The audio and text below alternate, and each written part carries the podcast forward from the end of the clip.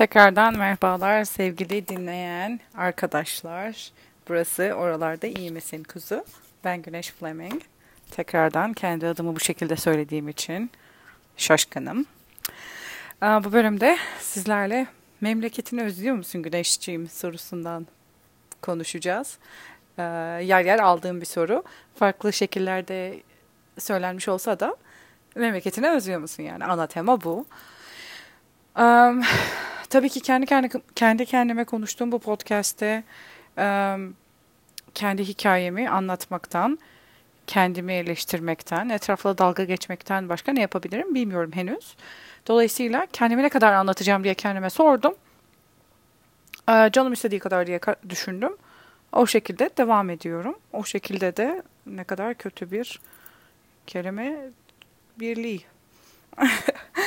Memleketini özlüyor musun soruma cevabım. Ee, şehirlerden, ülkelerden bahsediyorsak özlemiyorum. Memleketim derken burada Türkiye'den bahsediyorum. Ben İzmirliyim, İzmir'de doğdum. Bir yere kadar orada büyüdüm. Sonra üniversiteyi kazandım. Başarılı bir öğrenci olduğum için Zonguldak Karaelmas Üniversitesi zamanının züküsü ne girdim. Sonradan ben okuldayken okulun adı Bülent Ecevit oldu. Çünkü neden olmasındı memleketimizde politikacıların isimlerini okullara vermek hak verirsiniz ki. Çok yaygın.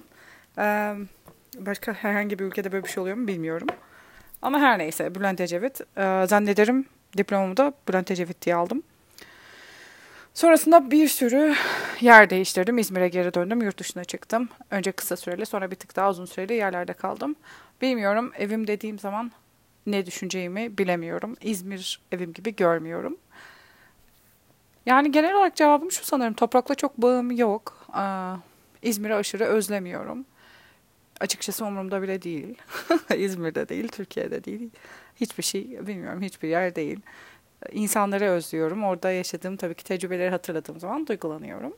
Ailemi özlüyorum, arkadaşlarımı özlüyorum. Fakat her zaman şey diyorum. Bana böyle bir sayı verilse ve işte istediğin bir sürü hakka sahip olacaksın dünyada. Ama işte Türkiye'ye bir daha gidemeyeceksin. Şu kadar sayıda insanla görüşebileceksin deseler. Evet der miyim? Zannederim. Derim. Evet çünkü terbiyesiz, ahlaksız, memleket sevgisinden yoksun bir kimseyim. Dediğim gibi İzmir'de 18 yaşına kadar yaşadım. Hayatı İzmir'den ibaret zannederek Zonguldak'a taşındım. İlk taşındığım yıl bir yurtta kalıyordum. Ee, pis bir derenin yanında özel bir yurttu. O sene 3 tane özel yurt vardı Zonguldak'ta. Yıl 2006 sonu. Ve bu üç güzel yurttan bir tanesi cemaat yurduydu. İşte dışarı çıkış saatime denk geliyordu onların en son içeri giriş zamanı. Dolayısıyla ihtimaller dahilinde değildi benim için. Diğer ikisinden e, bu dere kenarında olan muhteşem yeri seçtik. Böyle 3 metrekarede 4 kişi yaşadığımız bir yıldı. Yani güzel bir yıldı. Bilemiyorum. Tabii böyle garip bir modla gitmiştim ben Zonguldak'a şey diyordum. Yani ben üniversiteye gitmek istemiyordum zaten bu sene. Dolayısıyla üniversite hayallerim yoktu benim. O yüzden de hayal kurmadığım için hayal kırıklığına uğramadım. Burası çok güzel bir yer. Ben küçük şehirde yaşamak istedim hep. Çünkü biz İzmirliyiz, İzmir'e döneceğiz falan böyle abuk sabuk saçma sapan ergen, aşırı ergen tepkiler. Radyo 35'i aradım o yurttayken ve Radyo 35'in İzmir kanalı olduğunu öğrendim daha sonradan böyle zekamdan şüphelendim. Morallerim bozuldu biraz. Böyle şeyler yaşandı. Daha sonra e, bu Zonguldak e, büyük şehrimizin de ilçesindeydi. Öyle madenlerin yanlarından falan geçerek yürüyerek gittiğimiz bir kampüsümüz vardı. Çünkü her zaman dolmuş çıkmıyordu. Zonguldak'ın ilk yılı benim için böyle geçti. İkinci yıl e, eve çıkmaya cesaret edemedim. Aynı yurtta kalmadım. Çünkü ailem öyle karar vermişti zannediyorum. Bir başka yurda taşındım. Yine muhteşem e, manzaralı Zonguldak Belediyesi'ni görüyorduk bu kez. Orada da birbirinden güzel hatıralarım oldu. Pis pis bazı oda arkadaşlarım oldu. Galiba küpelerimi çalmışlardı benim oda arkadaşım. Sonra ben onu görmüştüm ama ben utanıp onun adına ne diyeceğimi bilememiştim falan filan. Yani böyle şeyler yaşandı. Sonrasında nihayet eve çıktım. İlk eve çıktığımda 3 ay kadar birileriyle yaşadım ve çok hızlı bir şekilde o evden ayrıldım. Yani onların hepsi çok gerçekten garip garip hikayeler. Çünkü eve bir başkası bir ev arkadaşımın bir arkadaşı gelip evi ele geçirdi ve sonra biz de oradan gittik yani. Koşarak kaçtım ben. Daha sonra işte ev arkadaş bir başka ev arkadaşım oldu. Onunla 3-4 yıl yaşadım. Erkek arkadaşım oldu o zamanlar. Ve işte üniversitenin bitme zamanı geldi. Ben mezun oluyordum. Erkek arkadaşım ve o zamanki ev arkadaşım o zaman henüz mezun olmuyorlardı ama ben gittiğim için herkes dağılsın istedim böyle. Arkadaşlar gidelim ya sonsuza kadar Zonguldak'ta mı kalacağız ne yapacağız Zonguldak'ta falan gibi konuşmalar yapıp herkesin gitme kararına katkıda bulunduktan hemen sonra mezuniyetin verdiği akıl karışıklığıyla ne yapacağımı bilemeyip ben en iyi okulda olmayı biliyorum deyip master yapma kararı aldım. Çok bilinçli bir karar olduğunu düşünmüyorum. Zonguldak'ı bildiğim için Zonguldak'a gittim. Yüksek lisans e, başvurusu yapmak üzere. Ve herkesi kaçırdığımız için Zonguldak'ta tanıdığım hiç kimse yoktu. Öyle yıllarca yaşadığın şehirde birazcık sokakta kalmak garip oldu. Sokaklarda ağlayarak dram dram gezdim. Bir arkadaşımın halasında kaldım. Böyle bir şey yani Zonguldak'a geri döndüm özetle 2011'de mezuniyetimden hemen sonra ve orada yüksek lisans yapmaya başladım. Biyomatematik diyorum böyle insanlar cool olduğunu düşünüyor. Oysa matematik bölümünde başladım.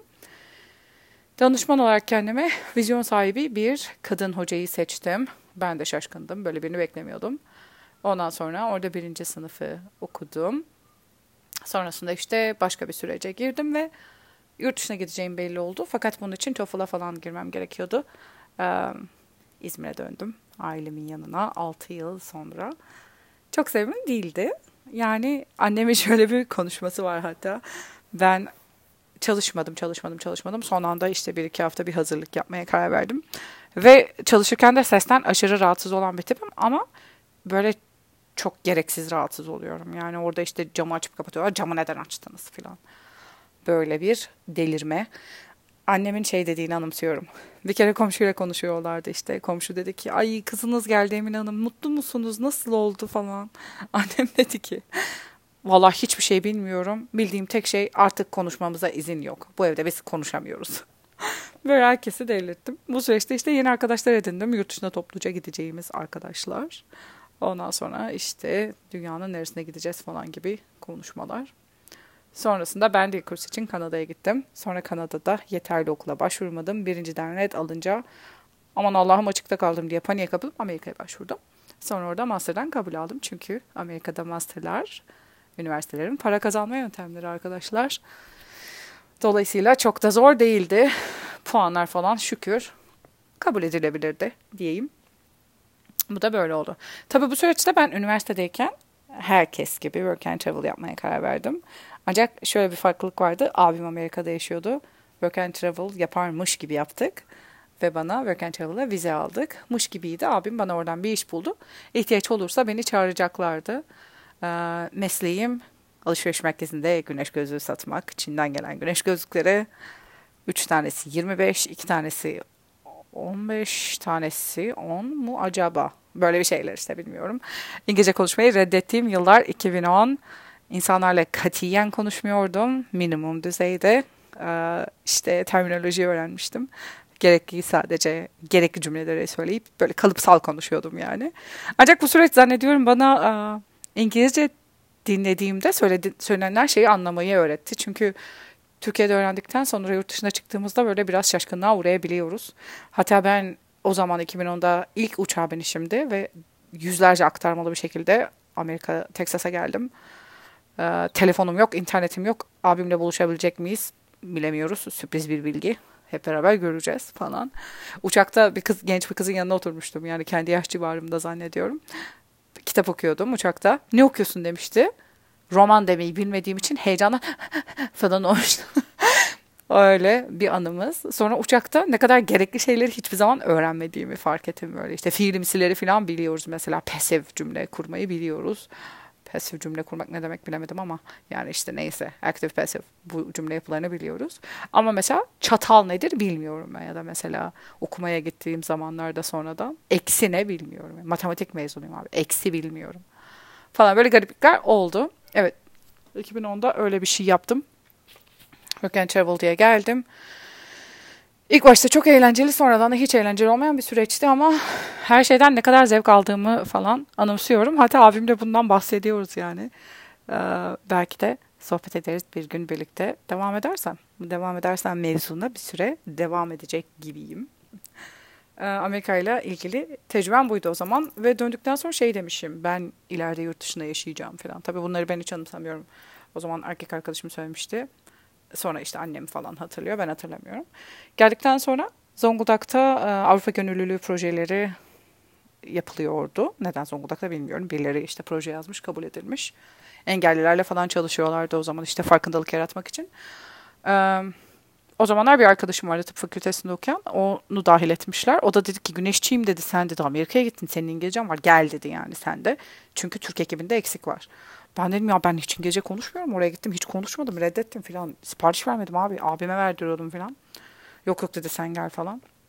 İşte ben gittim en son valinin ofisinde Zonguldak'ta şey yapıyordum. Çeviri. Çünkü yani konu öyle bir yere gitmişti. Böyle garip garip anılar. Daha sonrasında işte bunlara güvenerek ben orada arkadaş da edindim. Bu e, gönüllülük yaptığım süreçte Zonguldak'ta Türk ekibinde olduğum süreçte gelen yabancıların bir kısmıyla arkadaşlık ettim. Sonra onlar benim kendi projelerine çağırdılar. Dolayısıyla Polonya'ya gittim ilk başta. Oradan Macaristan'da bir yaz okuluna başvurmuştum. Macaristan'da çok görmek istediğim, takıntı haline getirdiğim biri vardı o zamanlar. Ondan sonra bunu da şimdi buradan açıklamam. Gerçekten ayıp. Allah'ım inşallah herkes dinlemez. Ya da dinler mi acaba herkes inşallah? Ay bilemedim. Neyse hayırlısı ya gelmiş geçmiş zaman. Hayret. Evet ilk başta Polonya'ya gittim. Polonya'da yakın sayılabilecek bir arkadaşımın evinde kaldım Polonyalı. Yakın çünkü birkaç kere gelmişti Zonguldak'a. Sonra beni orada iki tane İngiliz kızla koydular odaya. Böyle bir sabah bir öğleden sonra uya, uyuyakaldım zannediyorum ben. Hatta Türkçe konuşarak uyanmışım. Dehşete kapıldılar. Sonra ilk günümde bu kızların sohbet ettiğini duydum ve şey kesinlikle anlamıyorum. Ne dedikleriyle ilgili hiçbir fikrim yok. Sonra Polonyalı arkadaşıma dedim ki ev sahibi olan dedim onlar neyce konuşuyor? Dedi ki İngilizce. Aşırı İngilizce yani. Çünkü Britishler kızlar. Böyle dehşete kapılmıştım yani Amerikan İngilizcesiyle İngiliz İngilizcesinin birbirinden ne kadar farklı olduğunu görmek beni üzdü. Ama sonradan herhalde bir tık alışmıştım. Şöyle bir şey hatırlıyorum bu da bilmiyorum neden paylaşmak istedim. Yani sanırım istediğim paylaşmak özgürlüğüm var değil mi? Neden olmasın? Şey bizim Türkiye'de böyle bazı kelimeleri yanlış söylediğimizde, yanlış telaffuz ettiğimizde kafamıza vururlar diye aşırı sinirlenirdi hocalar. Bunlardan bir tanesi de often, often diye yazılan, Türkçe'ye asla şu an çevirmeyeceğim bu kelime. Bize işte often arkadaşlar, often değil, often falan diye böyle often diyenleri döverek öğrettiler. Ee, bu British kızlarımızdan bir tanesi bir gün konuşma sırasında bir cümlede işte often dedi ve ben ney dedim. Ne dedi.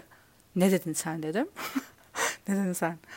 Neyse işte ne dedim falan dedi. Sen often mı dedin dedim.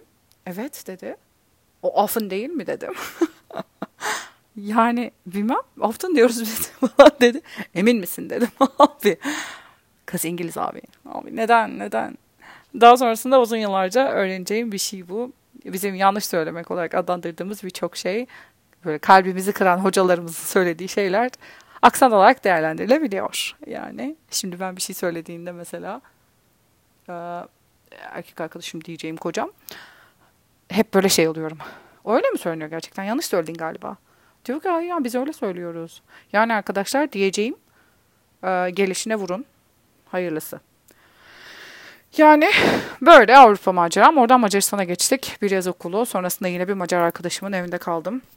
E, görmek için çok heyecanlandığım çocukla da görüştüm. Çünkü geldi bir gün. Ben yaz okulu diye gitmiştim. Parti tabanlı bir şey çıktı. Aşırı insanların parti yaptığı bir etkinlik. Bilmiyorum ilgilenen olursa dinleyen 5 kişiden. E, etkinliğin adı EGWIP'ti. E, International Culture Week. Sonra da bir şey IP bilemiyorum ne olduğunu açılımının.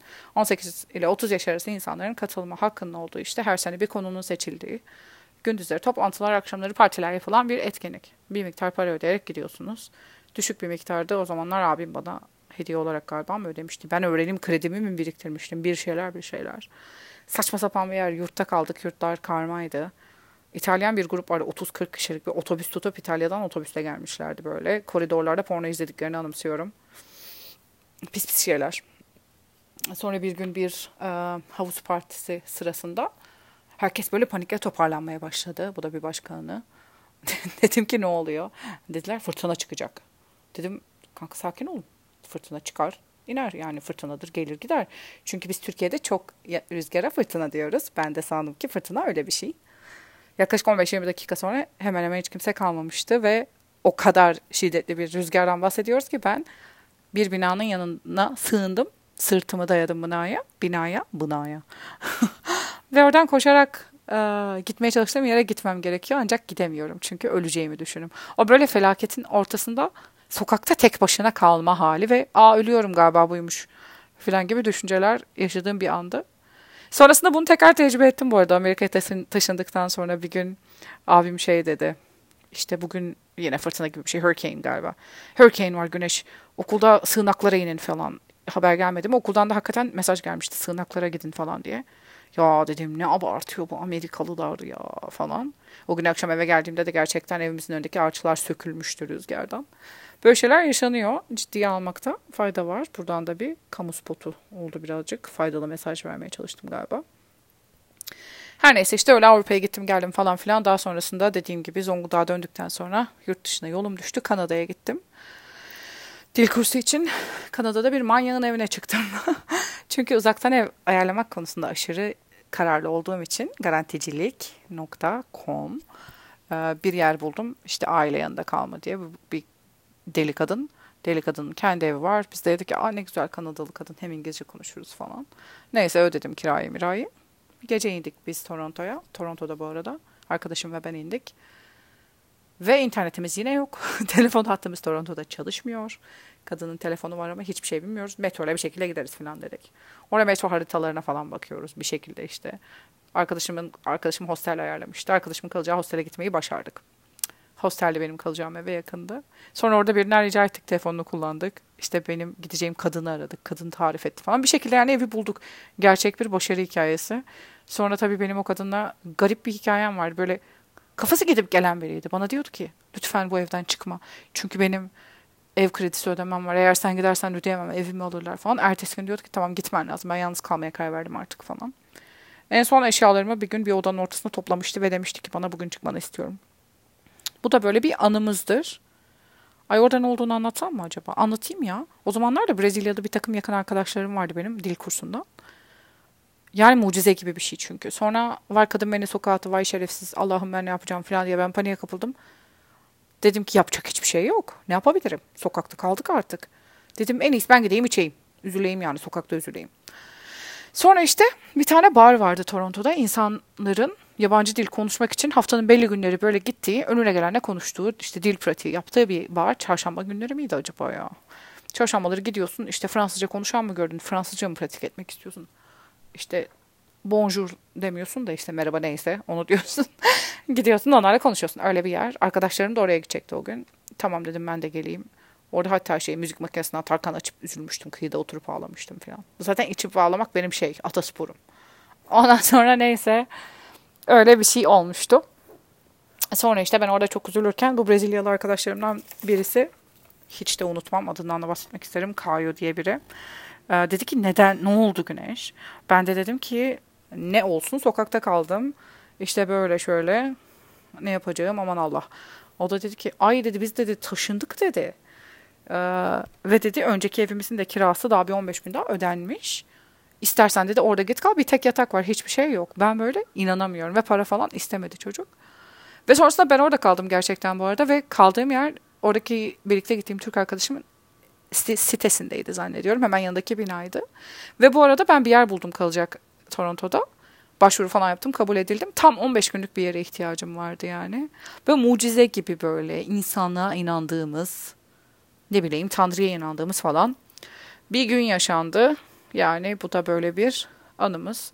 Sonrasında ama biz insanlara hiç yardım etmedik. Çok pis pis insanlardık işte. Türkçe konuşup haritaya bakıp haritayı anlamaya çalışan iki kız gördüğümüzü hatırlıyorum.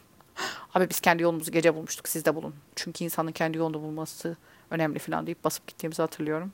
Bilmiyorum ya böyle şeyler hatırlıyorum bazen. Kendimi de kötü hissedecek gibi olup emin olamıyorum sonra. Neyse memleketini özlüyor musun sorusundan geldiğimiz yerler. En sonda Kanada'dan dediğim gibi Amerika'ya geldim. Master için Dallas'ta kaldım. Abimle yaşadım iki yıl. Abimle yaşamak konusunu tenzih ederek, konu tenzih edilir mi bilemesem de nefret ettiğim bir iki yıl oldu. Çok depresyondaydım. Güzel şeyler ve güzel insanlar hayatıma girdi ama yani çoğunluğunu kötü anımsadığım zamanlar benim. 2015-2016 master zamanı ve o zamanlarda New York'a gidip gelmiştim. Ee, yakın bir arkadaşım orada master yapıyordu. Ve New York böyle evet tamam ihtiyacım olan şey bu demiştim. Çünkü Texas'ta araba kullanmak zorundasınız ve ben araba kullanmıyorum. Kullanmak da istemiyorum. Yani bir şehrin beni buna zorlamasını istemiyorum en azından. Ee, yani şöyle yaptım. Nefret edeyim evde oturayım dedim. Nefret ettim evde oturdum iki sene kadar. Sonrasında işte New York'u gördüğümde şunu anladım. Bu ülkenin her yeri böyle değil. Bazı yerlerinde yürüyerek de gezilebilir. Bakkala gidilebilir. Örneğin New York. Sonradan fark ettim ki birkaç metropol var. Ve birçoğu da kuzey, doğu, northeast'te işte. Bazıları bunlardan Boston, e, Philadelphia, işte New York, Washington DC falan filan gibi toplu taşımın olduğu, insanların arabasız da hayatta kalabildikleri yerler. Öyle başvurular yaptım falan. Philadelphia'daki şimdiki okulum beni davet etti görüşmeye. Sonra geldim verdim. Bana teklif verdiler. Kabul ettim. Asistanlık falan aldım. Ve Philadelphia'ya yerleştim 2016'da. Yoruldum. Pardon. Ee, doktoraya başladım. İlk başta çok garipti çünkü aşırı kimsesizlik. Bu arada bütün bu anlattıklarımdan bilmiyorum fark ediyor musunuz? Defalarca baştan başlamış oldum ben. Hayatıma Zonguldak'ta başladım. Tekrar İzmir'de kısa süreli başlamış oldum. Kanada'da, sonra tekrar Amerika'da, tek, Amerika'da da Philadelphia'da. Dolayısıyla sürekli bunlar sıfırdan başlamak. Arkadaşınız yok. Nasıl gideceğinizi bir yerlere bilmiyorsunuz. Çevreniz yok. İşte dışarıda nerede yemek yenir, nerede kahve içilir bilmiyorsunuz. Garip garip hikayeler. Zorlu birkaç yıldı. Yani hiç kurmak istemediğim arkadaşlıklar yapsam da genel olarak yani şöyle şeyler yap, yapıyordum. İşte Uber'e biniyordum ya da neye biniyorsam. Şehrin merkezine bir nokta seçiyordum haritadan. Sonra hemen oraya gidiyordum. Orada kahve içiyordum. Koşarak geri kaçıyordum. Bu geri kaçmalar ve gitmeler sırasında da sokaklara böyle heyecanla bakıyordum. Mesela bir sokağı çok beğendiysem o kesişimin işte o kuzey güney doğu batı giden yolların ismini alıyordum. Not ediyordum telefonuma. Bir sonra da oraya gidiyordum. Orada biraz yürüyordum falan. Böyle böyle bir şekilde şehri keşfettim Philadelphia'da. Ve Philadelphia'da beklediğimden daha hızlı, beklediğimden daha güzel bir hayatım oldu. Yani okul olmasa her şey çok güzel diyecek gibiyim. Açıkçası doktora yapmaya geldiğim bu yerde okul dışında her şeyden memnunum. Okuldan da niye memnun değilim? Çünkü 94'ten beri okuyorum. Gerçekten yüreğim daraldı arkadaşlar. Yani böyle Philadelphia şu anda evim. Bundan sonra da evim olmasını istediğim yerim sanırım. Dolayısıyla bana memleketini özlüyor musun diye soran herkes. Memleketim burası Hayır özlemiyorum çünkü memleketimde yaşıyorum. Ee, Türkiye'yi soracak olursanız sizi seviyorsam sizi, sevmiyorsam sevdiklerimi özlüyorum. Yani İzmir'i severim. Ne bileyim sevdiğim yerler var tabii ki İstanbul'da severim falan filan ama e, özlemle yanıp tutuşmuyorum. Özlem dediğiniz garip bir şey zaten. Siz en son döndükten mesela Türkiye'den döndükten sonraki bir yıl içinde garip garip evrelerden geçiyorum ben. İşte ay çok iyi oldu gittim falan. Geri döndüm. Sonra adapte olamıyorum buraya. Ay çok özlüyorum. Tekrar mı gitsem? Ne zaman gitsem planları. Sonra işte bir süre durgunluk. Sonra ay çok özledim tekrar. Ve bu bir buçuk yıl falan sürüyor. Ondan sonra şeye giriyor. Özlem böyle normal hayatın parçası oluyor yani. Çok standart bir şey. Özlüyor muyuz? Tabii özlüyoruz falan ama bir şey hissetmeden. Sonra hayatınıza devam ediyorsunuz. Ben öyle bir evredeyim. Bundan da mutluyum. Umarım da Türkiye'ye gitme özgürlüğüm tabii olur. Ama hayır memleketimi özlemiyorum. Çok şükür ki öyle bir derdim de yok. Bir de olsaydı gerçekten fenalaşırdım herhal. Tekrar dinleyen herkese teşekkür ediyorum. Hakikaten boş konuşacağım diye bahsetmiştim birinci bölümde. Gerçekten de boş konuştum. Ne bileyim. Verdiğim vaatleri yerine getiriyor, getiriyor gibiyim. Dinlediğiniz için tekrar tekrar çok teşekkürler. Bir sonraki bölümde eğer olursa görüşmek üzere. Hoşçakalın.